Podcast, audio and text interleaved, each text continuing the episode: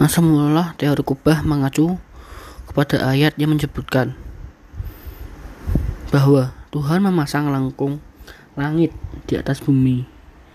Beragam teori tentang apa yang ada di balik kubah itu bermacam-macam. Ada yang menduga samudera raksasa atau kehampaan yang sangat amat luas. Banyak yang mengatakan bahwa matahari dan atmosfer berada di dalam kubah itu. Bahkan kubah dianggap sebagai pemegang kedudukan atmosfer, bukan gravitasi. Hampir semua pecinta teori ini sepakat bahwa apa pun yang di luar sana bukanlah angkasa luar yang kita kenal. Bahkan ada teori lain yang menyebutkan bahwa hologram diproyeksikan ke permukaan kubah itu sehingga menampilkan pemandangan angkasa yang dapat kita lihat setiap malam.